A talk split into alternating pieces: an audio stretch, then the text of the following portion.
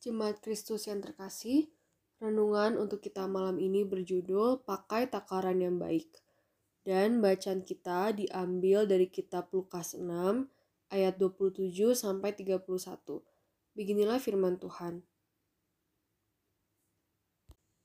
Tetapi kepada kamu yang mendengarkan aku, aku berkata, kasihilah musuhmu, berbuatlah baik kepada orang yang membenci kamu. Mintalah berkat bagi orang yang mengutuk kamu. Berdoalah bagi orang yang mencaci kamu. Barang siapa menampar pipimu yang satu, berikanlah juga kepadanya pipimu yang lain. Dan barang siapa yang mengambil jubahmu, biarkan juga ia mengambil bajumu.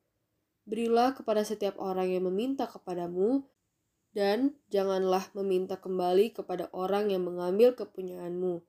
Dan sebagaimana kamu kehendaki, supaya orang perbuat kepadamu, perbuatlah juga demikian kepada mereka. Seharusnya salah satu resolusi tahun baru yang harus ada dalam diri kita adalah perubahan sikap dan cara hidup kita.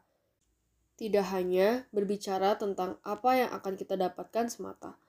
Rasanya hal ini lebih penting daripada kita mencapai sesuatu yang baru, tetapi cara hidup kita masih dalam cara hidup yang lama sikap hidup yang seperti apa yang harusnya ada. Salah satunya yang tertulis dalam bacaan kita saat ini, yaitu hidup mengasihi. Tidak hanya orang yang baik kepada kita, tapi juga kepada orang-orang yang sudah berbuat jahat kepada kita. Mengapa hal ini harus masuk ke dalam resolusi kita?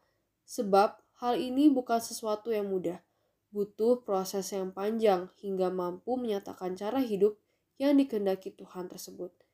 Hal ini penting menjadi resolusi, sebab bila kita juga berkomitmen mengubah sikap kita, maka tahun yang baru ini akan dapat memberi makna dan warna baru bagi hidup kita, dan sangat mungkin membuat kita lebih bersyukur atas kehidupan yang kita miliki saat ini.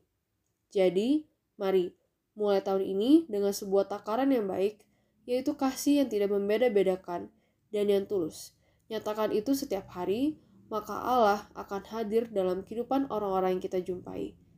Selamat berjuang. Demikianlah renungan malam ini. Semoga damai sejahtera dari Tuhan Yesus Kristus tetap memenuhi hati dan pikiran kita. Amin.